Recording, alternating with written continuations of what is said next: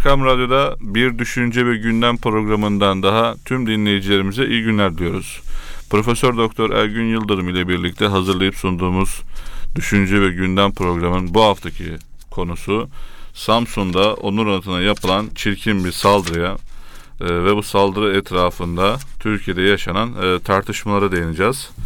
Ne oldu diye izleyicilerimize kısa bir bilgi vermek isterim hocam. Samsun'da Onur Anıtı'nda Atatürk'ün heykeline e, çirkin bir saldırı gerçekleşiyor. Bu saldırıdan sonra hem muhalefet hem e, iktidar kesimleri e, kendi ideolojik çerçeveleri üzerinden açıklamalar yaparak Türkiye'de kutuplaşmayı ve tartışmayı tekrar bir level'da yukarı taşımaya neden oldu. Dolayısıyla siz Atatürk anıtına yapılan Samsun'da Atatürk anıtına yapılan bu çirkin saldırıdan ötürü gündemle ilgili yaşanan tartışmaları nasıl değerlendiriyorsunuz? Evet. Bu şimdi bu saldırı Türkiye'deki e, iktidarla, Türkiye'nin iktidarın kimliğiyle soruyor bazı e, oradan içerideki arkadaşlarımız dinleyicilerimiz için e, tartışmanın için nasıl başladığını da ifade edeyim hocam. Samsun'da milli mücadele nedeniyle simge eserlerden biri olan Atatürk Parkı'ndaki Onur Anıtı'na hocam halat bağlayıp çekmeye çalışıyor birkaç kişi. Bunlar tabi tutuklanıyorlardı bu arada. Ondan sonra yaptıkları açıklamalarda işte bu et, eylemi kendilerinin gerçekleştirdiğini, işte heykeli yıkmaya e, çalıştığını açık açık ifade ediyor. E, diğer bir tutuklanan şahıs da e, Atatürk'ü sevmediğini ifade ediyor. Bu eylemi bu yüzden gerçekleştirdiğini söylüyor. Dolayısıyla bu tartışmalar ışığında ya tutuklanan sanıkların beyanları ışığında sevgili dinleyiciler az önce e, ifade ettiğim cümleler e, sanıkların beyanı bu arada. E, dolayısıyla hocam siz bu tartışmaları e, genel çerçeve içerisine e, ele almak evet. isterseniz nasıl değerlendiriyorsunuz? Bu aslında çok boyutlu değerlendirilecek bir olgu aslında. Hı hı. Tarihsel boyutu var. Bugün güncel siyasetle yakından ilişkisi var. Atatürk'ün belli bir kesimin tekelinde yeniden üretilip seferber edilmesi olayı var. Yani Aslında. araçsallaştırılıyor mu sizce? Tabii yani bir defa Kemalizm dediğimiz Atatürk'ü belli bir siyasi anlayış tarafından yorumlanarak o yorumu tekelinde tutup onunla Türkiye'de siyaseti yönlendirmek isteyen elitler var, partiler var, hı hı. aydınlar var, lobiler var. Ee, bunlar bence önemli. Bunlar her zaman daha önceki programlarda dediğimiz gibi Türkiye'yi kendi mülkiyetleri olarak görüyorlar. Özellikle devleti. Evet. Bu devlet bizimdir. İktidar etmek bizim hakkımızdır. Seçimle gelip gidenler sadece bizim sınırlarını çizdiğimiz biçimde iktidar ederler ve sonra giderler. Ama bu işin anlamı, bu işin ruhu, bu işin temeli, özü bizim elimizdedir. Evet. Diyen bir defa böyle bir siyasi tahayyül var. Bu siyasi tahayyülü biz sol kemalizm veya kemalizm olarak tanımlıyoruz hep. Neden? Çünkü doğrudan Atatürk'le ilgili bir şey değil. Görünürde Atatürk'le ilgili ama pratikte Atatürk'ü kendi siyasal çıkarları çerçevesinde hı hı. istismar eden, kullanan bir yapıyı haber veriyor bu. Bu tarihte zaman zaman bu tür uygulamalar da olmuş. Mesela Atatürk'ün heykellerine saldırarak Atatürk'e saldırılar oldu ve dolayısıyla dönemin hükümetinin suçlu olduğu ve sanık sandalyesine oturtulması gerektiği şeklinde bir tavırları var bunların. Evet. Ee, buna topluca irtica derler. Aynen. aynen. Ee, işte irtica hortladı, irtica yeniden ortaya çıktı. Bak işte Atatürk'e saldırıyorlar, heykellerini yıkıyorlar gibi e, bu söylemi hep kullanıyorlar. Bu bir türlü bayatlanmıyor. Çok basit. Terminoloji de aynı hocam. Ama her zaman da geçerli olan, her zaman da karşılığı bulunan bir şey. Aynen. Çünkü belli kitleler zaten buna inanmış. Aynen. Bu psikolojiyle sürekli hazırlanılıyor ve sonra da böyle bir örnek konup önlerine bak gördünüz mü işte ortaya çıktı deniyor. Aynen. Layıkçı kesimler buna inanmış halde onlara da bu gösterilerek kendilerini tehdit altında hissetmeleri sağlanıyor. Özetinde hocam. Tehdit altında hissedince hı hı hı. tehdit edici kimdir?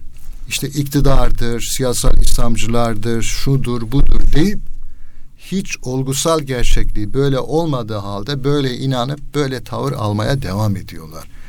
Bu kutuplaşmayla da çok yakından ilişkili. Biraz sonra ona geleceğiz. Hocam dinleyicilerimizin e, anlaması için siz o zaman bu saldırıyı bir Türkiye'de siyasi hedefleri olan organize bir saldırı olarak değerlendiriyorsunuz ee, anladığım kadarıyla. Yani kesinlikle bu böyledir. Zaten şimdi saldırıları böyle düzenli hemen e, yapılarla yapmıyorlar. Şimdi evet. saldırıları genellikle patolojik tipleri doldurup önlerini açıp yönlendirip onları yapıyorlar. Bu patolojik tipler bazen sarhoş tipler oluyor. Bazen madde kullanılan alkolik tipler oluyor.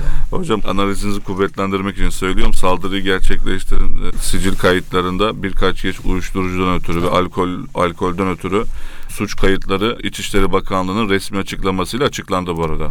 Tabii. Ve e, şahısta şey vurgusunu çok özellikle yapıyorlar kimseden talimat almadık ve herhangi Tabii. bir yere de bağlı veya organize bir şeyimiz Tabii. yok. Kurumsal bir ilişkimiz yok. Tabii, Dolayısıyla da. bu bağlamda yapmış olduğunuz analizi kuvvetlendiren açıklamaları zaten saldırıyı gerçekleştirenler yapıyor. Düşünebiliyor musunuz hocam? İple bir heykeli indirmeye Tabii, çalışıyor. Yani böyle bir şey neden aklına geliyor? Böyle bir şey yapmakla bir sarhoşa ne kazandırabilir? Daha fazla para kazanıp daha fazla sarhoş mu olacak?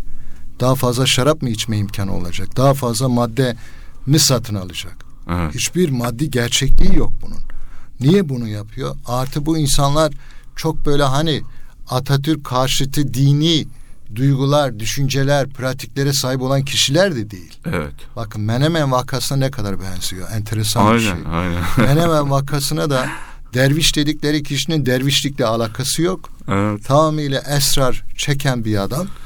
Onlara yaptırılıyorlar. Sonra adına da derviş diyorlar. Evet. Sonra da o kişiyi değil mi? Yani e, o kişiyi bahane göstererek Türkiye'de son şeyh İslam olan, son e, meşayihten olan, şeyhlerin şeyhi olan, Osmanlı'nın son önemli figürlerinden birisi olan bir insanın idam etmeye neden olarak hazırlıyor. Aynen. O oyun hep tekrarlanıyor. Bakın İzmit suikastinde, İzmir suikastinde de İttihat Terakki'yi ve muhalefeti tasfiye etmek için efendim Mustafa Kemal'e suikast düzenleniyor deniyor.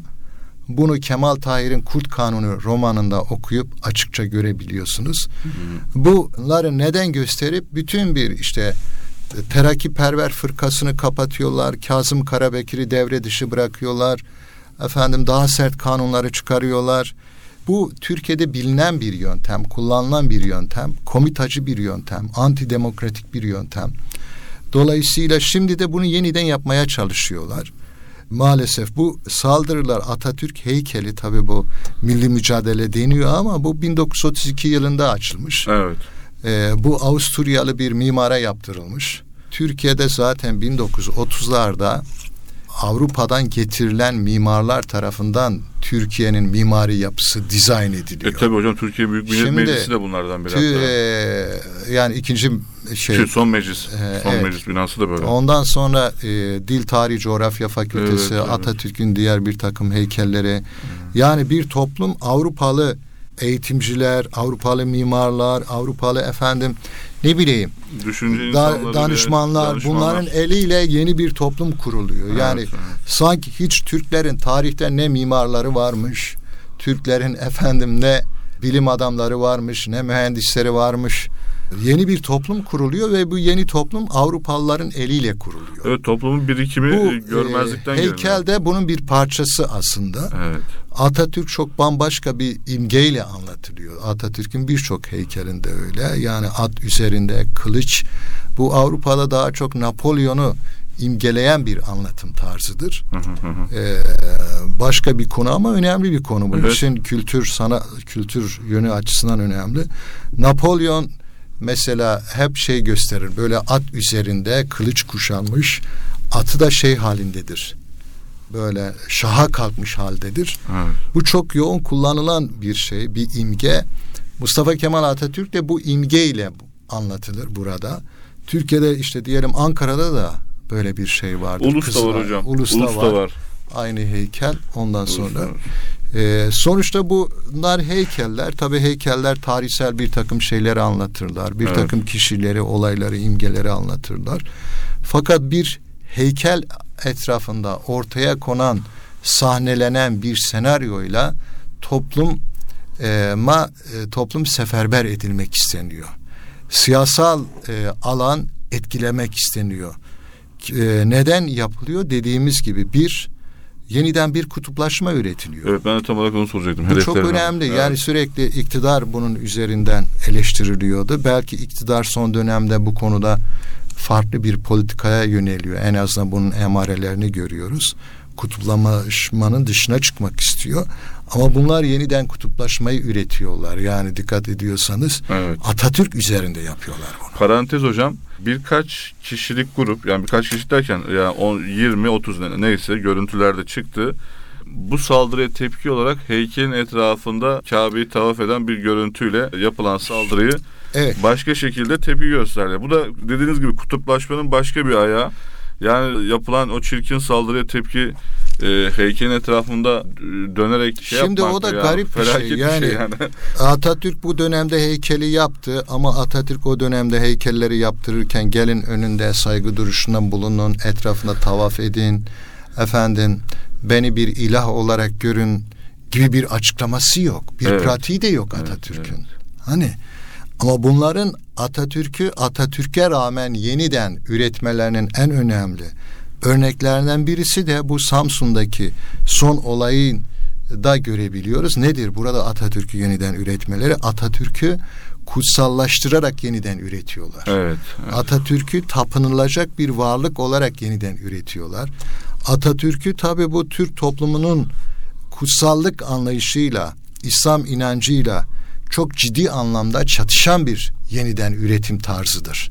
Evet. Çünkü Türk toplumu yani yüzde doksanı Müslümandır. Evet. Bu toplumda efendim kime tapılacak bellidir. Ondan sonra İslam inancının akaidi bellidir. Tavafın nerede yapılacağı bellidir.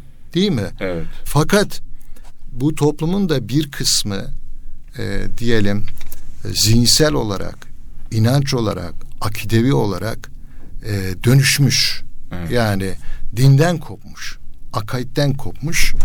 Bu kopuş daha önce diyelim ideolojilerle dolduruluyordu. Diyelim Marksist ideoloji bir din gibi üretiliyordu. Hı hı. Dolayısıyla Marksist ideolojinin figür, figürleri Marx, Lenin vesaire onlar tapınan kişiler olarak algılanıyordu.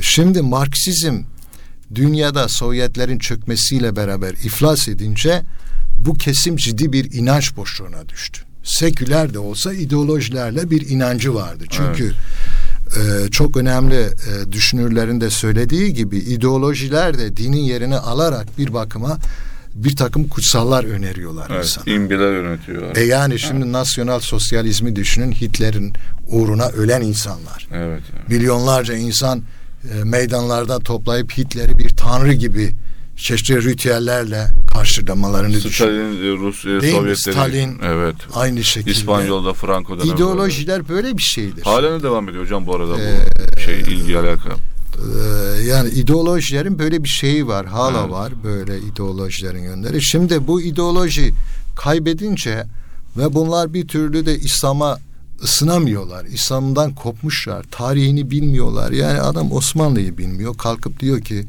onlar işte kadınları efendim peçede sakladılar, şunu bunu yaptılar. Ya Osmanlı'da dünyada henüz daha kadınların mülkiyet hakkı yokken kadınlara mülkiyet vermiş bir toplumsal düzendi. Evet.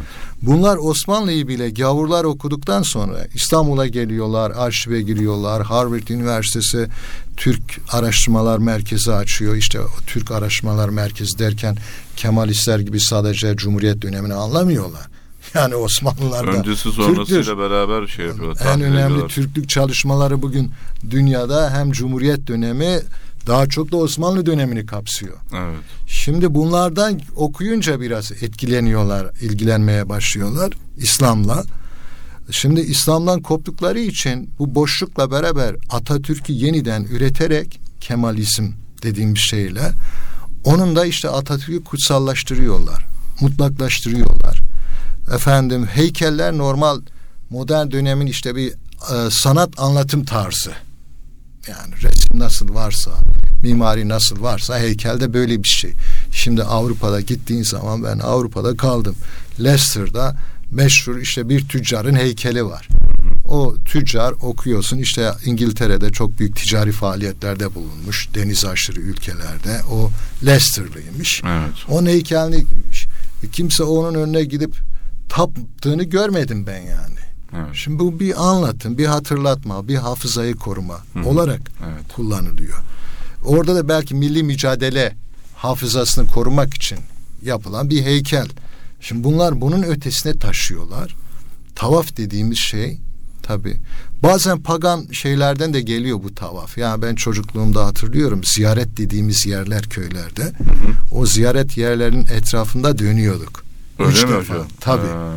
Bu bir pagan kültürü de olabilir. Bu tavaf etme geleneği e, yaygın bir gelenek aslında. Yani bu tabii e, diyelim yapılan ki- saldırıya verilen tepkinin şeyi şekli biraz e, tart He. şeyin e, saldırının önüne geçti bu arada hocam. E, e tabii yani, bu böyle bir şey e, şimdi oldu. bizim köyde şimdi mesela o ziyarete kimse gitmiyor öyle. Evet. Ama eskiden yoğun giderdik, tavuk keserdik, çaput bağlardık, etrafında dönerdik, taşlarını öperdik. Kaşlarını da öperdiniz. Tabii tabii Ha, böyle bir şey vardı yani. O zaman böyle bir hurafe, bidat. Evet. Bak onu bidat hurafe diye eleştirdik. Bunu Evet. bidat hurafe diye. Şimdi bu da Kemalistlerin yeni bir bidat icadıdır. Tabii hocam. yani e, çünkü etrafına dönüyorsun tavaf tartışma ve saldırı başka bir şeye evriliyor burada. başka bir şeye evriliyor. O zaman Evet. bunu planlayanlar hedeflerine ulaşıyor. Evet. Ee, bu normal bir e, heykele yapılan saldırıyı koruma tepkisi değil. Evet. Bu Atatürk'ü ve heykeli yeniden kendi ideolojik beklentileri çerçevesinde üretmek, dinsel açlıklarını, manevi açlıklarını e, pagan kültüründen gelen etkilerle yeniden üretip e, karşılamak gibi bir şeyi anlatıyor sosyo-psikolojik açıdan Tam aslında. burada işin başka bir boyutuna girmeye çalışıyorum. Ee, hem size hem de izleyicilerimiz için bir hatırlatma yapmak isterim. Bu programdan kabaca iki ya da üç hafta önce gündemimizde siyasal İslam ve irtica ile ilgili bir konudan bahsetmiş. Ee, siz bu konunun tekrar Türkiye gündemine getirilmeye çalıştığını gözlemlediğinizi ve ülkede anladığımız kadarıyla yeni bir dizayna doğru gidildiğini ve bunu da 90'lardaki e, terminoloji, yöntem ve konular üzerinden gerçekleşeceği ile ilgili genel bir çerçeve Evet. oluşturdunuz.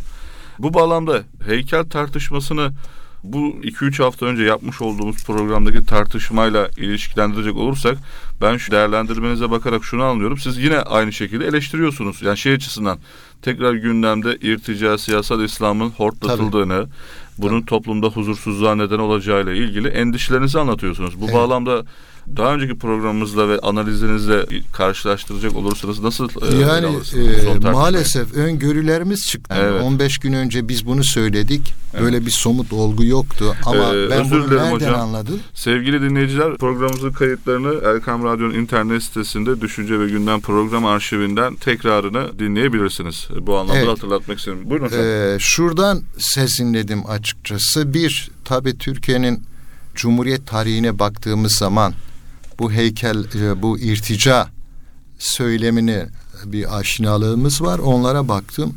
İkincisi olarak bunun yeniden karşımıza çıktığını yani gazetelerde yazan kişilerin önde gelen bu layıkçı kesimlerin aydınlarının e, akademisyenlerinin mesela bu konuyu gündeme getirmeleri, ısıtmaları dikkatimi çekti. Demek ki dedim yeni bir şey hazırlanıyor. Bu epistemolojiye tanıdığız artık. Bu dile tanıdığız. Hani epistem bilgi bilim diyoruz ya. Evet. Yani bu bilim bu bir yönüyle aslında bir dil. Bu dil kendi içinde bir tutarlılık taşıyor. Sürekli yeniden canlandırılıp gündeme getirilebiliyor. Onu baktım. Şimdi de dün de yine baktım devam ediyor bu dil ve bununla daha da canlılık kazanmış oldu. Mesela heykel etrafında deniyor ki ya işte bak irtica yeniden ortadı. Heykellere saldırıyorlar. evet. Zaten bunlar bir hafıza üretmiş. Mesela Ticaniler olayında efendim işte Menemen vakası olayında bunları sürekli okutuyorlar, hatırlatıyorlar, canlı tutuyorlar. E bu zaman geçmiş epey. Zaman geçtiği için unutulabilir. Dolayısıyla bunun tazelenmesi lazım. Evet. Tazelenmesi için de bu olayların yaşanması lazım. Bu jenerasyon bunu görmediği Tabii. için son jenerasyon Şimdi son jenerasyon ya o geçmişte oldu kaldı. Aa bak bak. Ya şimdi yeni yaptılar. Aynen. Demek bu var. Doğru diyorlar. Evet. İrtica var. irtica hortluyor. Bunu görüp yeniden o hafızalarını tazeliyorlar aslında. Evet. Bir ritüel haline getirdiler bunlar. Yani irtica söylemi ve irtica söylemi etrafında bir takım hadiseleri yaptırmaları. O kişilerin kimlikleri çok önemli. Şunu da yapabilirlerdi. Mesela o kişilere bir ay iki aylık bir sakal bıraktırabilirlerdi. Onların başlarına birer sarık sardırabilirlerdi. Evet evet. Tamam mı? Ya çok ilginç bir şey hakikaten. İple, urganla heykeli tabii. indirmeye çalışıyor. Yani o Anladım simgesel bir anlam katıyorsun zaten saldırıya. Çok felaket Şimdi bir şey yani hakikaten. Bunun yansıtılması da önemli. Diyelim ki yani toplumda hakikaten patolojik bir adam Atatürk'le ilgili böyle görüşlere sahip oldu. Böyle bir şey yaptı. Evet. Ve onu yakalarsın, cezalandırırsın. Cezası neyse o olur. Hukuksal olarak da, sosyolojik olarak da makul olan budur. Ama bu yapılmıyor dikkat ediyorsanız. Bunun etrafında bir toplumsal tepki üretiliyor. Bütün Bir siyasi toplumsal- partiler açıklama yaptı. He, bir toplumsal seferberlik üretiliyor. Evet. Bir kitlesel seferberlik üretiliyor. Ve bunun üzerine konuşuluyor. Bunun üzerine tartışılıyor. Mesela çok işte milyonların takip ettiği bir gazeteci benim de çok iyi bildiğim, tanıdığım diyor ki işte diyor devlet diyor Atatürk'ü koruyamadı. Evet. He, devlet kim bugün? Hükümetin Heh. e, başındaki Heh. e, iki parti Cumhurbaşkanı Evet, en tepede, evet, Genelkurmay evet, Başkanı, evet, Savunma Bakanı bunlar hepsini AK Partili. Evet. Dolayısıyla buradaki alt mesaj ne? Hükümet, Erdoğan, AK Parti, muhafazakarlar Atatürk'ü koruyamadılar, önünü açtılar. Evet. Kardeşim devlet 24 saat oraya bekçi mi dikecek? Devlet bak görevini yapmış, onları tutuklamış, onları sorguluyor. Ve e, bu olay farklı bir biçimde hükümete karşı bir muhalefet dinamizmine dönüşüyor. Evet. Çok boyutlu yani hem o hafızanın yeniden canlandırılması hem muhalefet dinamiği olarak Atatürk'ün kullanılması, Hı hı hı hı. Tamam mı? Araçsallaştırılması. araçsallaştırılması hem de kutuplaşmanın yeniden canlandırılması var. O zaman bu yeniden Türkiye'de, üretim var hep yani. e, Türkiye'de siyasal ve sosyal bir değişim ya da kartların yeniden dağıtılması olarak okuyabilir miyiz ya da Ee, yani o evet Bir olabilir gibi. bu. Tabii ki olabilir çok enteresan bir şey var. e, bir gidişat var bu açıdan hakikaten.